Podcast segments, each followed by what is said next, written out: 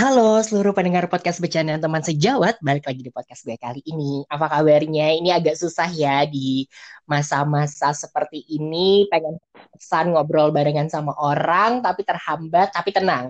Hari ini gue sudah menginvite dan mengajak salah satu temen gue yang uh, pengen cerita sama kalian juga uh, seputar kegiatannya dia. Sebenarnya bocorannya adalah dia adalah salah satu penulis yang di mana tulisannya itu selalu berhubungan dengan LGBT. Dan kemarin uh, gue sempat lihat juga di twitternya dia kalau dia itu habis melakukan salah satu uh, kegiatan sosial bersama dengan teman-teman waria. Kalau gitu langsung aja, Hai Dian, apa kabar? Oh, halo Hendy, kabar baik. Dian di sini. eh beneran ya kita akhirnya ngobrolnya bisanya sampai uh, sampai sini. Nah gini, Dian. Uh, iya, apa silakan. biar seluruh teman-teman uh, pendengar podcast gue itu tahu lebih jauh tentang kegiatan lo. Mungkin sebelum gue nanya banyak, lo bisa sedikit cerita dulu kegiatan yang lo laku lakukan setiap harinya tuh apa sih? Aduh, kalau lagi corona kayaknya ini terdampak ya. Jadi um, uh, sehari-hari sih uh, aku kerja sebagai penulis sama peneliti lepas. Uh, itu bidangnya yang multidisiplin, jadi bisa dibilang disciplinary writer atau researcher ya. Jadi su seperti itu sih Handy sederhananya. Oh, sederhananya itu yang lebih menarik adalah kebanyakan tulisan-tulisan yang memang lo buat itu kan memang yang lebih cenderung berhubungan dengan LGBT, betul kan? Enggak juga loh. Oh, enggak juga ya. Tapi memang uh, aku punya uh, blog di Medium atas nama Nurdian Sadalijo di situ memang ada menu yang didedikasikan namanya Queer Life dan itu membahas tentang uh, kehidupan sehari-hari seputar uh, being queer di Indonesia sih. Oh, Okay. Gitu. Nah, jadi gini, uh, mungkin pertanyaannya yang akan gue tanya tuh banyak seputar itu karena menurut gue itu adalah salah, salah satu hal yang menarik untuk dibahas gitu kan. Karena kan memang boleh uh, silakan. Benar banget kan gitu karena memang di era sekarang ini stigma-stigmanya juga belum secara real banyak orang yang open minded juga kan gitu. Jadi biar makin orang tuh tahu sebenarnya tuh kehidupan para queer itu seperti apa. Bener gak sih? Waduh, kompleks banget kalau ngomongin kehidupan queer seperti apa Karena ya. beda-beda. Pasti itu kan banyak. Betul. Nah, tapi uh-uh. kurang lebih sebenarnya uh, tulisan lo yang di blog itu mengenai queer tuh uh, kayak gimana sih kalau misalkan lo boleh ceritain secara apa ya? Secara singkat deh, kurang lebih tuh kayak gimana sih isi blognya? Sebenarnya itu uh, perspektif dan juga pengalaman pribadi. Jadi itu yang mesti dicatat pertama. Okay. Pengalaman pribadi aku sebagai queer dan juga uh, ya ya lahir, ya tinggal dan juga berinteraksi dengan masyarakat yang ada di sini ya. Jadi uh, sebetulnya ingin memberikan suatu apa ya, mungkin juga berbagi perspektif dan pengalaman karena uh, buat aku aku mau bilang ya, aku punya privilege untuk bisa menulis karena nggak semua orang itu mungkin punya kemampuan untuk menulis, jadi itu suatu privilege. Tapi aku juga mengalami suatu bisa dibilang uh, mengalami tekanan, mengalami bullying, mengalami opresi, uh, ataupun juga diskriminasi dan juga stigma dengan menjadi queer. Jadi sebetulnya aku mau menggunakan istilahnya apa ya? Uh, diriku sendiri juga sebagai medium untuk menyuarakan pengalaman diriku dan juga karena aku sebagai queer itu juga mewakili banyak kelompok queer yang ada di Indonesia meskipun kita hidup dengan latar belakang maupun juga identitas yang masing-masing unik dan berbeda tapi setidaknya itu memberikan pemahaman mudah-mudahan baik itu untuk teman-teman sesama maupun bukan teman-teman sesama atau straight untuk bisa memahami lebih lanjut uh, tentang seperti apa sih rasanya dan juga kehidupan sehari-hari uh, menjadi queer di sini. Sebenarnya itu. Aku lebih nyaman dibilang queer sih. Oh, oke. Okay. Kenapa kenapa gitu. kenapa kamu lebih nyaman dibilang queer? Alasannya apa? sebenarnya kalau dalam masalah terminologi queer itu sendiri memang sih itu bahasa Inggris yang hmm. uh, katanya itu muncul dari London. Jadi asal katanya itu dulu adalah satu kata yang dipakai untuk teman-teman di, dipakai oleh kalangan straight itu untuk um, mengapa ya membuli teman-teman yang kelompok LGBT. Jadi istilahnya mungkin kalau di Indonesia sama seperti misalnya orang-orang ngatain aku bencong mm -hmm. atau ngatain kamu bencong, mm -hmm. di mana kamu uh, juga pernah mengalami uh, perasaan sedih, kecewa, takut, cemas dan macam-macam. Tapi kemudian ketika kita menyadari bahwa aku belajar dari teman-teman waria sih itu juga semacam suatu coping mekani coping mechanism mm -hmm. tapi juga itu menjadi suatu upaya untuk mereklaim kata jadi akhirnya ya kayak sekarang kalau ada orang bilang bencong aku cuma bisa bilang ya uh, gue emang bencong so what? Apa urusannya sama lo? Okay. jadi itu istilahnya kata queer seperti itu gitu loh. Jadi kayak dulu orang ngatain uh, lo queer, lo queer, tapi lama-lama kata queer itu sendiri direklaim dan diperjuangkan dan dimaknai ulang oleh kelompok LGBT sendiri di Inggris. Jadi kemudian itu populer di internasional. Secara sederhana, queer itu mungkin bisa didefinisikan sebagai non straight dan juga non cis. Oke, berarti ya. Jadi itu tidak terbatas hanya pada soal orientasi seksual yang uh, bukan hetero tapi juga bisa menjadi atau mencakup hal-hal lain di luar itu. Oke, boleh. Nah, tadi balik lagi ada satu yang uh, cukup menarik yang pengen gue tanya lebih lanjut mengenai bulian. Karena kan memang uh -uh. menjadi seorang queer itu kan pasti identik atau bahkan sangat dekat dengan yang namanya bulian. Bener gak sih? Ya bener banget. Nah, Dulu di sekolah tuh kayak parah. Aku tuh kan? tipe orang yang ekstrovert. Yes, betul. Jadi main terus, tapi nyampe rumah nangis karena habis dikata-katain gitu. Kan. Nah, mungkin itu juga banyak dialamin oleh teman-teman lain ya, atau mungkin kamu juga gitu. Nah, ini ini ini akhirnya kita mendapatkan perbedaan nih di sini. Mungkin nanti gue bakal uh, aku bakal cerita lebih lanjut mengenai uh, aku tuh uh tidak pernah mengalami bulian, bahkan aku yang ngebully soalnya. Oke, okay, kamu punya privilege ya. Iya.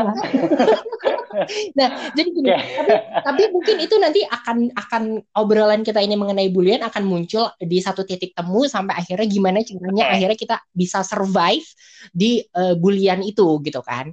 Nah, mungkin start dari kamu dulu. Aku pengen tahu kayak bentuk bulian apa sih yang paling menyakitkan buat dirimu gitu yang sampai bikin kayak aduh gue bunuh diri aja siapa sih yang pengen terlahir menjadi seorang queer gitu kan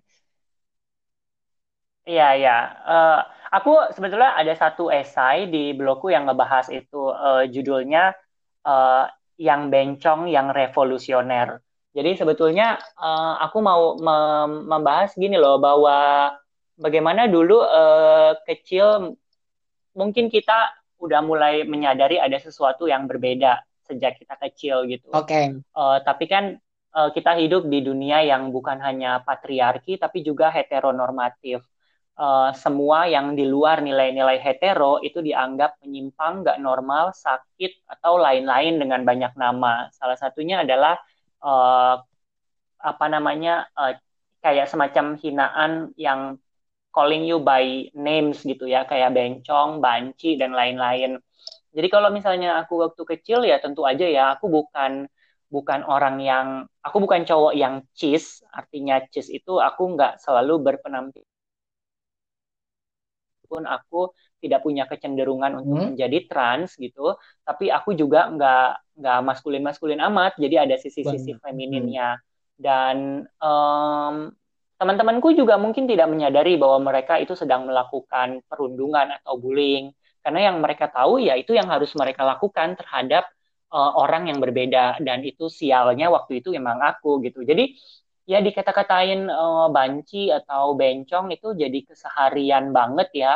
Tapi juga kadang-kadang kan itu juga bisa um, ber, ber, ber, berkembang bukan hanya menjadi uh, pelecehan ataupun kekerasan yang sifatnya verbal, tapi juga bisa mengarah ke fisik karena kemudian uh, kalau misalnya teman-teman yang cowok-cowok udah pada kumpul-kumpul dan mereka kan bisa aja misalnya hal sederhana kayak ngikat kamu terus celananya dipelorotin atau mungkin diceburin hal-hal kayak gitu. Oke okay, gitu. dan dan itu kamu alamin waktu kecil gitu kan dan itu yang bikin sampai Ya, itu. Ya, Oke, okay. ya. terus bikin kamu tuh sampai benar-benar sedih banget gitu ya? Uh, itu memang aku alamin sih sampai remaja. Uh, bahkan kalau misalnya sekarang masih ada yang manggil, buat aku sih nggak ada masalah. Aku nggak ada, aku udah uh, mengerti bagaimana cara mengatasi itu. Tapi uh, mungkin juga ya kids can be so mean gitu tanpa disadari gitu. Namanya juga anak-anak, tetapi kan sebagai orang dewasa harusnya orang-orang dewasa sekitar juga bisa memberikan pemahaman ya dan bukan diam aja gitu atau kayak ignorant gitu. Karena itu bisa berubah jadi hal yang mungkin nggak kita inginkan. Seperti misalnya apa ya being suicidal atau punya anxiety atau punya trauma yang kemudian berkepanjangan sampai ia dewasa uh, ya aku pikir itu persoalan yang nggak sederhana dan juga uh, bukan cuma persoalan kita aja di kalangan kelompok LGBT, tapi itu juga menjadi persoalan persoalan sosial dan juga persoalan moral masyarakat kita ya untuk bagaimana menciptakan situasi dan juga keadaan yang ramah untuk menerima segala keberagaman gitu. Karena kan Indonesia sering nih katanya bineka tunggal ika tapi kan agak-agak bullshit mm. gitu ya. Kalau misalnya lo ngomongin keberagaman tapi keberagaman bahasa, keberagaman ras, tapi nggak ngomongin soal keberagaman seksualitas. Jadi itu klise banget sih. Betul, betul. Nah, karena uh, kas banyak banget mungkin ada beberapa teman-teman uh, teman-teman gue pun yang bahkan sampai saat ini pun mereka masih takut untuk come up sama dunia luar bahwa mereka itu LGBT or mereka itu queer karena itu yang mereka takutin adalah mereka mendapatkan bulian tapi malahan takutnya yeah, kasihan yeah. tersiksa dalam batinnya kan gitu kayak harus terus bersembunyi sampai kapan sih mereka-mereka ini gitu loh. Buat aku sih come out itu terminologi yang ada di barat ya dan nggak selalu kontekstual untuk diterapkan di Indonesia. Uh. Jadi uh, kalau misalnya kemudian come, coming out uh, di sini kita mendorong semua kelompok LGBT untuk coming out, terus kemudian tiba-tiba ada perundungan secara massal atau ada teman kita yang dikeluarkan dari pekerjaan kan juga nggak bisa ditanggung.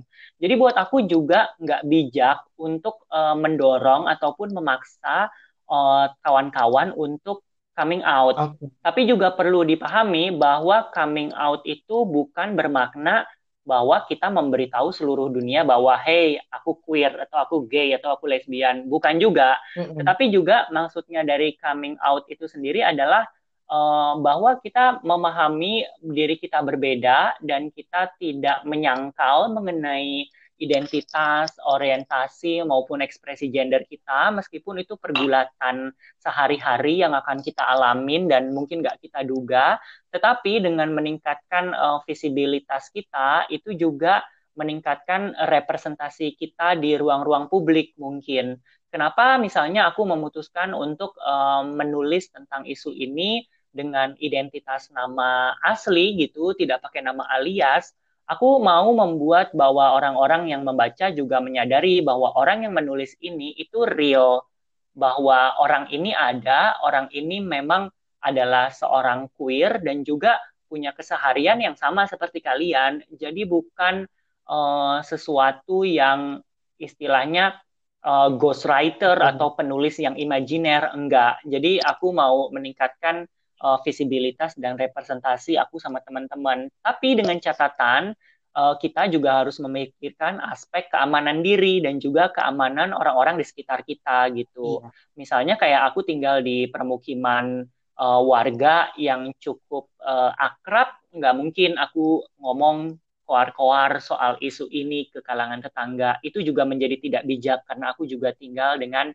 uh, keluarga yang lain. Seperti itu sih. Jadi kita perlu mengkontekstualisasikan apa yang dimaksud dengan coming out yang ada di negara-negara barat sana dengan negara-negara yang seperti Indonesia atau kayak di Indonesia sendiri itu konteksnya bisa jadi sangat jauh berbeda. Mm -mm, mm -mm, mm -mm. Nah, oke. Okay. Nah, berarti kalau misalkan tadi kan kita lagi ngomongin masalah bullying lagi nih, gitu kan? uh, hal iya. apa yang sampai akhirnya bikin uh, kamu tuh sadar dan akhirnya kayak oke okay, udah mulai terbiasa dengan bullying gitu karena kan mungkin kebanyakan nih masih sekarang beberapa teman-teman LGBT kita takut untuk uh, apa namanya mengungkapkan ekspresi yang dirasakan sama mereka gitu kan karena takut dibullying. Mm -mm. Tapi ada juga yang mereka nih udah terus-terusan dibully tapi mereka tuh nggak tahu mereka tuh harus ngapain gitu. Jadi mungkin bisa nggak sih ngasih tahu sampai uh, sama semua teman-teman nih yang lagi dengerin podcast ini uh, gimana sih cara cara yang terbaik atau mungkin salah satu solusi yang bisa kita kasih tahu sama teman-teman untuk uh, apa namanya ya me menyembuhkan atau memberanikan dirinya mereka sampai akhirnya kuat gitu loh karena ada bully.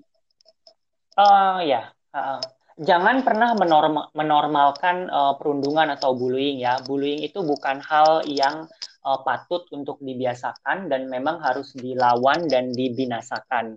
Uh, tips aku sih ya untuk teman-teman, tapi ini juga mungkin berlaku juga buat diriku sendiri ya, karena itu kan proses yang terus berkelanjutan. Betul. Pertama adalah uh, memberdayakan diri kita sendiri dengan pengetahuan. Artinya kalau misalnya kita sering dikata-katain atau dibully, bencong, banci, kita juga mesti tahu juga apa sih sebenarnya yang dimaksud dengan bencong, apa itu gay, apa itu orientasi seksual, apa itu identitas seksual, apa itu ekspresi gender, apa itu beda seks dan gender. Artinya kita harus menguatkan diri kita dengan pengetahuan dan juga pemahaman. Cari tahu, jangan males. Kita hidup di Jakarta punya banyak keistimewaan dengan akses kecuali untuk teman-teman yang mungkin ada di desa dan lain-lain tentu mereka punya keterbatasan tetapi upaya untuk mencari pengetahuan dan pemahaman itu harus terus dilakukan dan harus didukung juga oleh pihak lain terutama organisasi LGBT sendiri. Yang kedua adalah kita harus uh, mencari teman artinya kita harus uh, membangun uh, apakah itu ikatan atau bisa menjadi anggota atau lain-lain di komunitas-komunitas atau organisasi queer yang ada di dekat kita. Artinya kita menciptakan suatu uh, support system yang bisa mendukung kita ketika kita menghadapi situasi-situasi yang sulit terkait dengan identitas atau orientasi seksual kita. Ada banyak kalau di Jabodetabek ya, dan juga aku yakin di kota-kota di Indonesia itu ada banyak. Mungkin kalau ada yang di desa dan kampung itu punya keterbatasan. Tapi e, artinya dengan kita bergabung dengan teman-teman sesama, artinya kita punya nasib yang sama, kita punya persoalan yang sama, dan kita bisa berbagi, dan itu menguatkan gitu. Jadi dari dua hal itu kemudian membuat kita punya istilahnya itu punya senjata, punya keberanian untuk uh, melawan orang yang merundung kita atau kita mengedukasi mereka bahwa mungkin mereka nggak tahu gitu dan mereka melakukan perundungan karena menganggap itu hal yang natural yang alam biasa. Padahal itu menyakitkan. Jadi mulai bicara. Jadi uh, jangan jangan membisu gitu. Selama kamu bisa bicara dan itu aman dan nyaman Gitu sih Hendy. Oh oke okay, oke. Okay. Nah mungkin aku boleh sedikit cerita kenapa tadi aku sempat bilang kayak aku sih tidak pernah mengalami yang namanya perundungan atau bulian, justru malah aku yang membuli gitu kan. Nah, jadi ya mungkin, silakan. Nah, jadi gini, kamu yang jadi host. gini gini. Uh, aku tuh mungkin uh, mungkin aku tipik tipikal orang yang memang uh, bukan aku orang yang introvert. Aku tuh ekstrovert banget soalnya gitu kan. Terus ekspresif dan sebagainya gitu. Nah, jadi uh, dulu setelah akhirnya aku sadar bahwa uh, setiap orang sebenarnya mempunyai kekurangan, bukan cuma dari kita kita berdua, tapi masing-masing orang punya kekurangan sendiri gitu kan. Nah, itulah biasanya yang menjadi senjata untuk uh, orang lain itu membuli kita atau merundung kita gitu kan.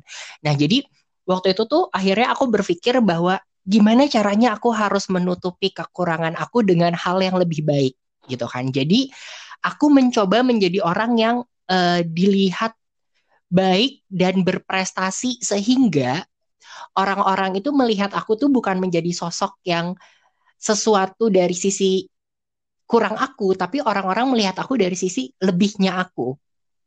Gitu. Jadi uh, kemarin itu eh maksudnya bukan kemarin. Uh, perjuangan aku tuh seperti itu gitu kan. Itu yang pertama.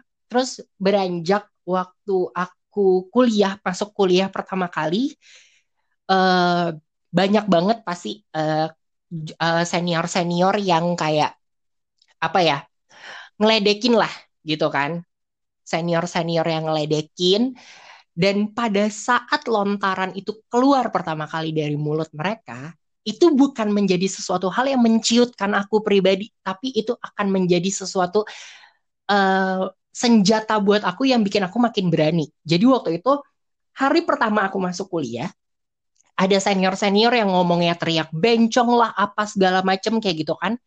Akhirnya dia dia ada di seberang seberangan gitulah. Biasanya kalau kalau kampus gitu kan ada seberang seberangan kan. Jadi uh, apa namanya lontaran itu keluar dari seberang akhirnya aku berani untuk nyamperin mereka. Aku samperin mereka. Setelah aku samperin mereka, aku bilang sama mereka kayak, sorry, kalian ngomong apa tadi? Gue bilang kayak gitu. Terus mereka diem, gak ada yang berani ngomong. Terus akhirnya gue bilang, loh, kenapa kalau misalkan gue ada di seberang, lo berani banget teriaknya dengan suara lantang. Nah, orangnya di depan muka lo nih sekarang. Kenapa lo nggak ngomong lebih gede?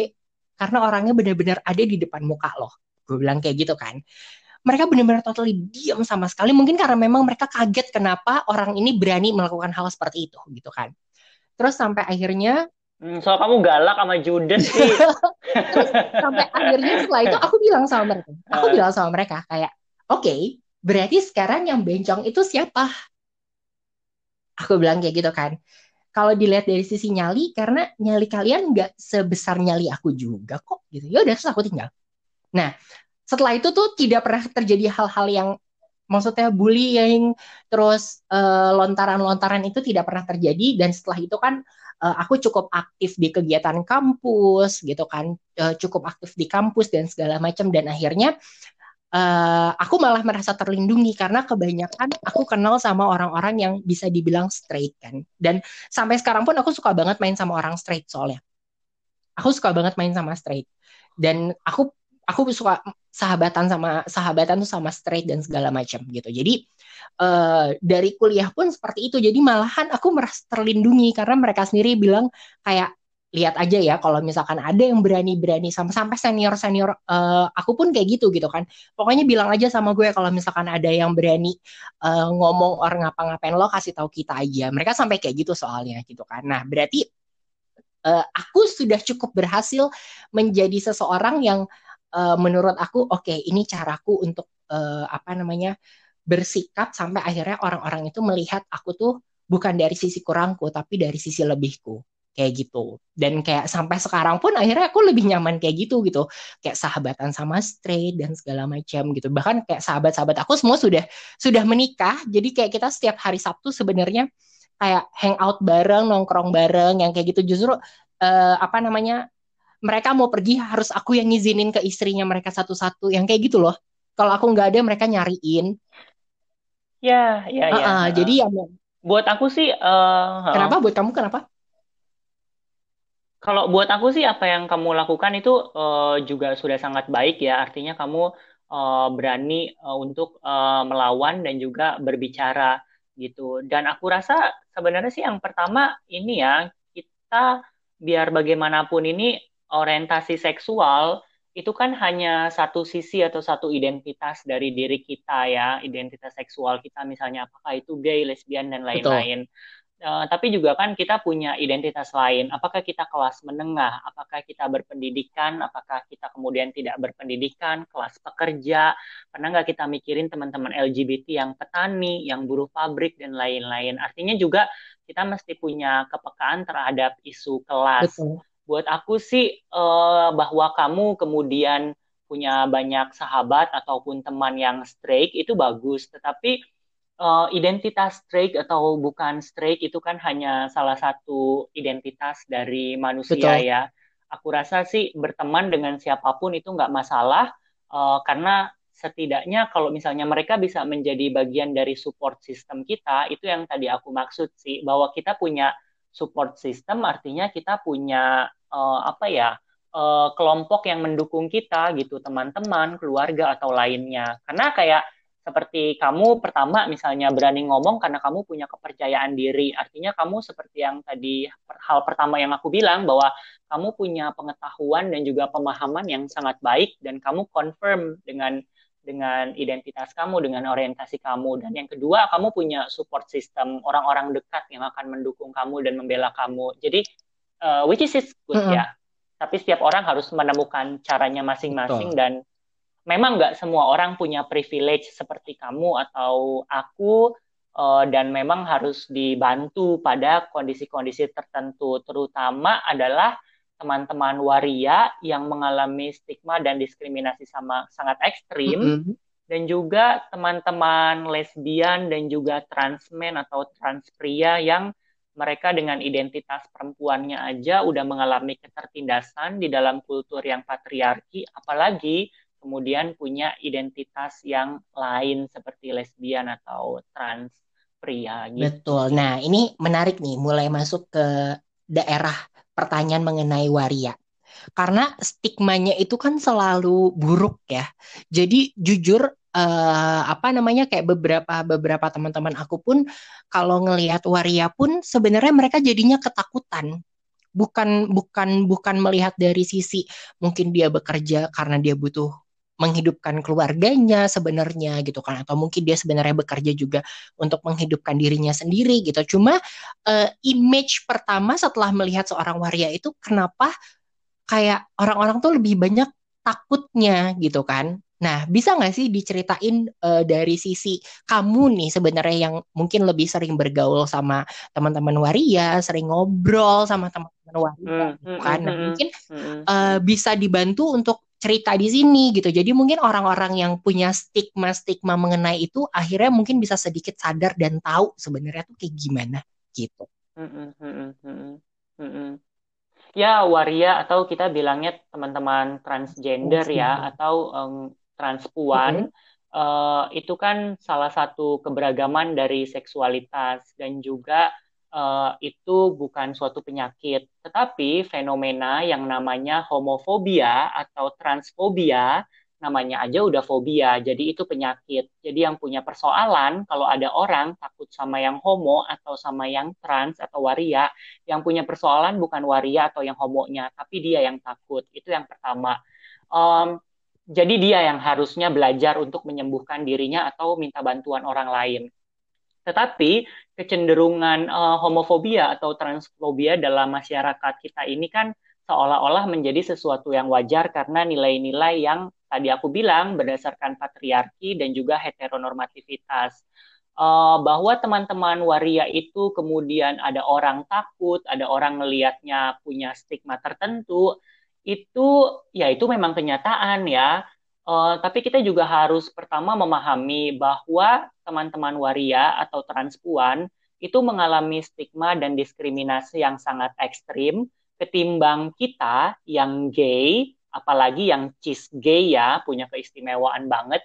Uh, apalagi kita karena terkait soal ekspresi gender mereka dan mereka itu kan visibilitasnya kan sangat terlihat ya dibandingkan sama kita yang gay. Mereka jelas-jelas kelihatan bahwa uh, sorry to say kalau misalnya ada badan yang keker atau bentuk wajahnya yang sangat maskulin tapi kemudian pakai rok itu kan memang sih dia belum tentu transpuan atau waria bisa saja dia cross dress hmm. gitu senang pakai baju yang berlainan gender dan itu mesti ditanya ke dia apakah dia mengidentifikasi dirinya sebagai transpuan ataupun waria tapi setidaknya kita perlu memahami gini loh kalau untuk waria uh, soal stigma sama diskriminasi ekstrim yang tadi aku bilang adalah uh, kehidupan mereka itu kan nggak mudah. Bayangin kalau misalnya kayak kita, waktu kita masih kecil, kita menyadari bahwa kita gay, kita masih bisa hidup uh, dan juga menyesuaikan, meskipun itu tidak mudah. Tetapi bayangkan ketika teman-teman waria, mereka remaja itu sudah mulai menyadari keunikan dirinya dan mulai mau misalnya memakai rok atau dandan dan lain-lain. Jadi uh, visibilitas sama keunikan terkait soal ekspresi gendernya itulah yang membuat mereka mengalami stigma dan diskriminasi. Kemudian misalnya kita kalau dalam konteks Indonesia, kenapa sih banyak banget teman-teman waria itu kerjanya tuh uh, pengamen jalanan, pekerja seks dan juga pria salon ataupun uh, pegawai salon. Karena memang tidak ada uh, pilihan pekerjaan yang diberikan kepada mereka. Bayangin uh, teman-teman waria banyak yang uh, diusir dari rumah saat remaja, banyak yang kabur dari rumah saat remaja. Kemudian mereka akses terhadap pendidikan terputus. Jadi banyak dari mereka tidak punya pendidikan ataupun tidak punya uh, latar belakang pendidikan formal. Jadi bayangkan dengan situasi latar belakang seperti itu dan juga dengan ekspresi gender mereka, bagaimana misalnya mereka mau mengakses alternatif pekerjaan atau mau bersaing dalam konteks pekerjaan seperti kita gitu itu kemudian yang membuat uh, tadi aku bilang stigma dan diskriminasinya sangat ekstrim. Apalagi kan kita minggu lalu tuh baru dengar kabar ada yang waria namanya ya. Mira ya yang kemudian dibakar hidup-hidup sama Betul. preman. Bayangkan kasus seperti itu kan tidak pernah dialami misalnya oleh teman-teman uh, yang lain. Itu kenapa sih unik banget hanya waria dan fenomena itu kita mestinya punya empati dan juga simpati yang semestinya jauh lebih besar kepada teman-teman waria karena um, mereka sangat rentan terhadap berbagai macam bentuk kekerasan yang bisa jadi sangat ekstrim.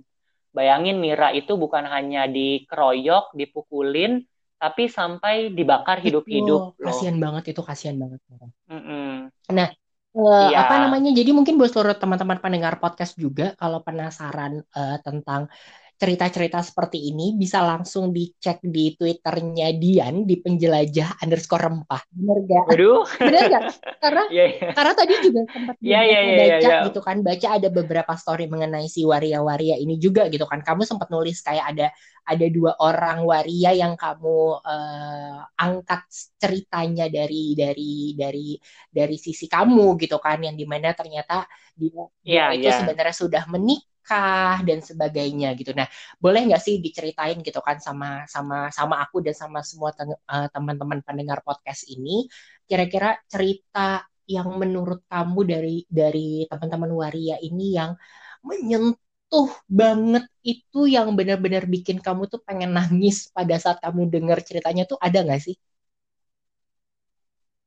Banyak banget ya kalau misalnya kita berteman ataupun berinteraksi sama teman-teman waria, setiap dari mereka pasti punya cerita buat aku yang yang pasti menggugah sama menggugah kita sebagai manusia ya, nggak mungkin gitu, hmm. nggak menggugah gitu dengan berbagai pengalaman hidup mereka. Mm -hmm. uh, cerita yang aku bagi itu Nuke sama Indri. Jadi mereka itu kan relawan dan juga penerima manfaat dari gerakan yang sedang digagas sama kawan-kawan QLC dan Sanggar Teater Seroja namanya gerakan uh, pakai hashtag bantuan untuk waria. Jadi kita lagi uh, menggalang dana, menggalang uh, dukungan untuk bisa membantu kawan-kawan waria yang terdampak krisis COVID-19 ini.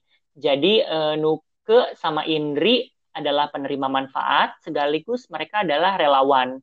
Jadi mereka itu yang masak, nasi bungkus dan mendistribusikan nasi bungkus ke 65 teman-teman waria di kampung Pasar Pos Duri dan Kali Anyar dan juga bagi-bagi sembako. Jadi uh, ya mereka bagian dari tim kita dan kita uh, beberapa hari sekali selalu video call dan lain-lain. Terus kemudian aku pikir momentum untuk uh, situasi krisis corona ini dan juga uh, gerakan bantuan untuk waria, aku pikir bukan hanya bisa kita manfaatkan untuk menggalang dana, uh, tapi juga uh, aku ngobrol sama teman-teman waria, mungkin nggak kita coba uh, memberikan uh, perspektif ataupun uh, potret ataupun pengalaman hidup teman-teman waria yang bisa kita bagi ke publik, misalnya melalui media sosial paling sederhana, uh, untuk kemudian teman-teman bisa punya pandangan yang alternatif atau berbeda atau mungkin bisa lebih dalam dari sisi humanis mengenai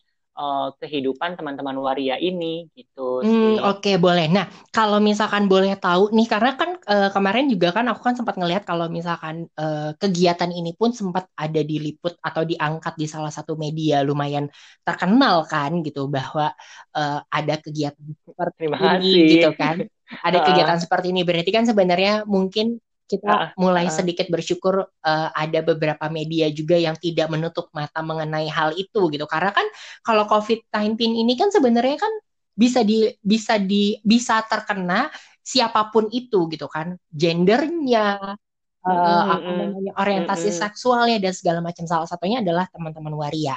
Nah kalau misalkan tidak keberatan, boleh nggak sih dikasih tahu gimana cara kalian menggalang dana sampai akhirnya bisa melakukan bantuan itu gitu. Mungkin kalau misalkan ada teman-teman pendengar podcast juga yang pengen ikutan membantu dan segala macam juga akhirnya jadi tahu gitu caranya tuh seperti apa. Iya, jadi uh, pada waktu itu sebenarnya kan reaksinya spontan aja sama teman-teman yang lain di uh, QLC bahwa waktu itu ada kawan kami yang cerita bahwa ada kawan warianya dia uh, itu Mama Ata namanya di Bukit Duri itu uh, curhat mengenai dampak dari COVID. Mm -hmm. Nah, teman-teman waria ini kan perlu dipahami bahwa selain soal stigma dan diskriminasi, mereka itu sangat rentan karena ada kecenderungan mereka itu uh, tidak lebih mudah untuk bisa mengakses perawatan maupun akses kesehatan seperti masyarakat pada Betul. umumnya. Dan juga aspek lainnya adalah mereka pekerja harian, hmm. yang pekerja hariannya itu seperti kalau kamu bayangin misalnya pekerja seks atau pengamen atau salon, itu kan otomatis pekerjaan-pekerjaan semacam itu tidak bisa dilakukan, hampir tidak bisa dilakukan, ataupun kalau dilakukan meningkatkan resiko mereka gitu di tengah situasi ini. Jadi otomatis mereka kesulitan untuk bisa bekerja dan karena mereka itu adalah pekerja harian, artinya pendapatan mereka itu datang sehari-hari. Kalau hari kerja ya buat makan besok gitu. Jadi mereka um, terancam uh, kelaparan mm. gitu karena nggak bisa bekerja dan juga nggak punya pendapatan. Jadi kemudian waktu itu dari aksi uh, spontan aja kita mulai buka uh, penggalangan dana waktu itu di kalangan terbatas. Jadi hanya kita-kita aja waktu itu dan juga teman-teman dekat kita. Dan ternyata uh, responnya positif gitu. Kita tadinya khawatir karena kita menyinggung soal identitas atau menyebut nama waria, apakah ini bisa jadi uh, sesuatu yang nggak kita inginkan nantinya. Ternyata enggak. Terus kemudian kita memutuskan untuk memperpanjang uh, bantuan dan juga penggalangan dana ini. Jadi dari tanggal 26 Maret sampai sekarang itu kita masih membuka donasi melalui rekening ataupun bisa kontak aku. Mungkin nanti bisa bisa aku share nomor handphone aku nggak masalah. Uh, terus kemudian ya udah kita udah dari mulai tanggal 2 jadi galang dana 26 Maret tanggal 27 Maret kita udah mulai mengalokasikan dan juga mendistribusikan bantuan sampai sekarang. Jadi ini udah uh, tiga minggu dan kita masih akan terus lanjut untuk mendukung dan juga membantu kawan-kawan waria dengan menggalang solidaritas kita bersama. Sampai gitu sih dan COVID kita fokus ini selesai kan? Ya mudah-mudahan, hmm. mudah-mudahan kami bisa bertahan. Mudah-mudahan teman-teman juga nggak bosen dan tetap mau membantu kita karena ini uh, gerakan dan ini adalah sesuatu yang dilakukan bersama-sama secara kolektif, bukan dilakukan oleh aku sendiri, bukan dilakukan sendiri oleh teman-teman QLC atau Sanggar Teater Seroja, tapi ini gerakan kolektif kita bersama untuk menunjukkan kepedulian kita kepada teman-teman waria. Jadi itu kenapa kalau misalnya ada teman-teman yang banyak nanya, kenapa sih kok cuma waria? Kan banyak kelompok lain yang terdampak.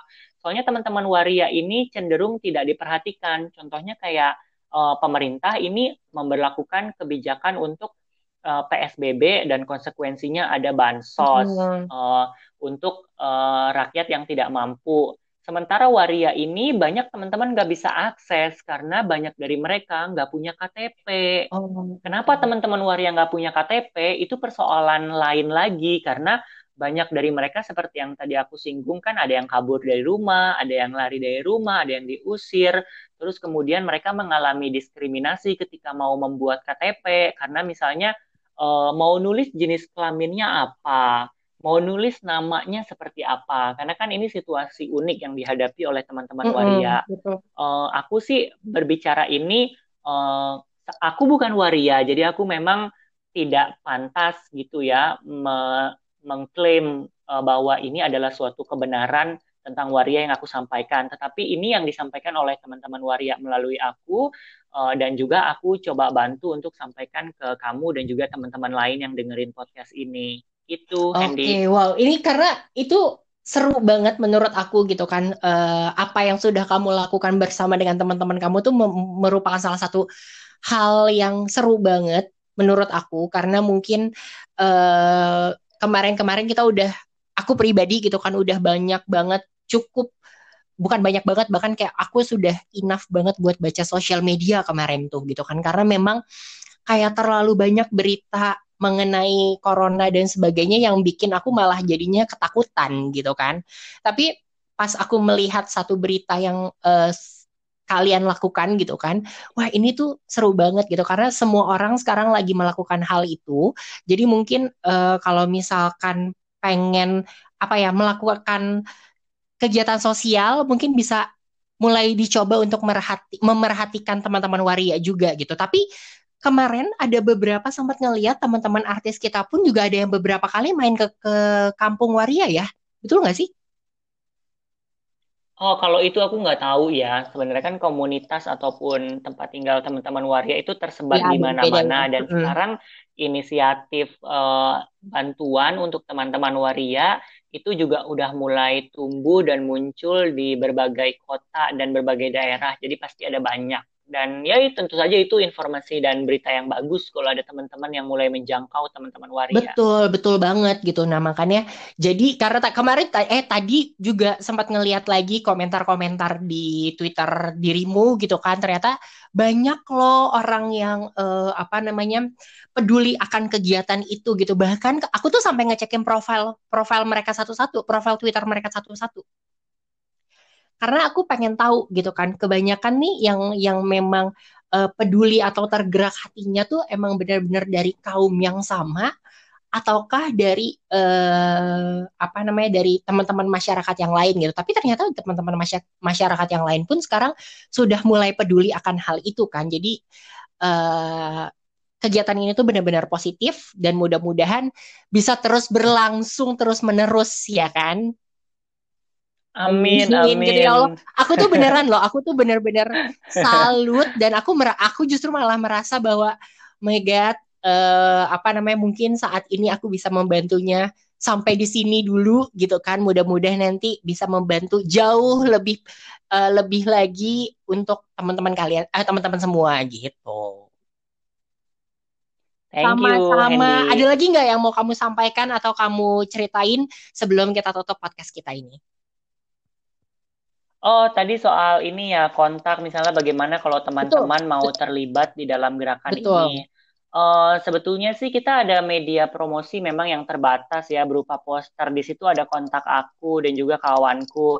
Tapi kalau teman-teman mau menjangkau, uh, silakan aja sebenarnya bisa kontak secara personal ke aku di media sosial. Aku ada Twitter sama Instagram, bisa dicari di uh, penjelajah rempah ataupun uh, pakai namaku Nurdiansah atau bisa WA aja langsung di 0812 1675 4812.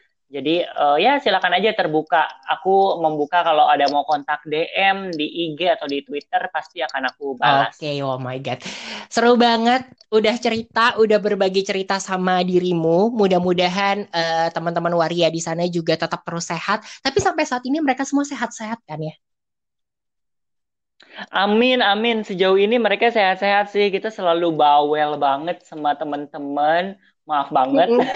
Jadi kita selalu bilang teman-teman jangan lupa untuk cuci tangan, pakai masker, jaga jarak, jaga kesehatan karena kesehatan teman-teman ini sangat penting karena kalau teman-teman sehat kan bisa bantu teman-teman yang Betul. lain gitu Betul sih gitu dan mudah-mudahan sampai nanti akhirnya uh, permasalahan corona ini selesai, teman-teman waria di sana pun tetap sehat dan akhirnya bisa beraktivitas dan mencari uh, apa namanya uang seperti biasa lagi ya gitu kan untuk menghidupi. Amin, amin, benar, amin. Gitu. Sip.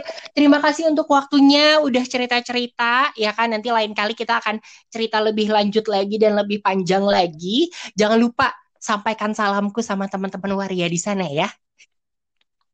Oh, Oke, okay. Handy, thank you ya sudah Sama-sama. memberikan ruang buat aku berbagi dan juga berbagi cerita ya. Pasti ya kalau kita kalau kita sama-sama terima kasih ya. Thank you Dian. Thank ya. you.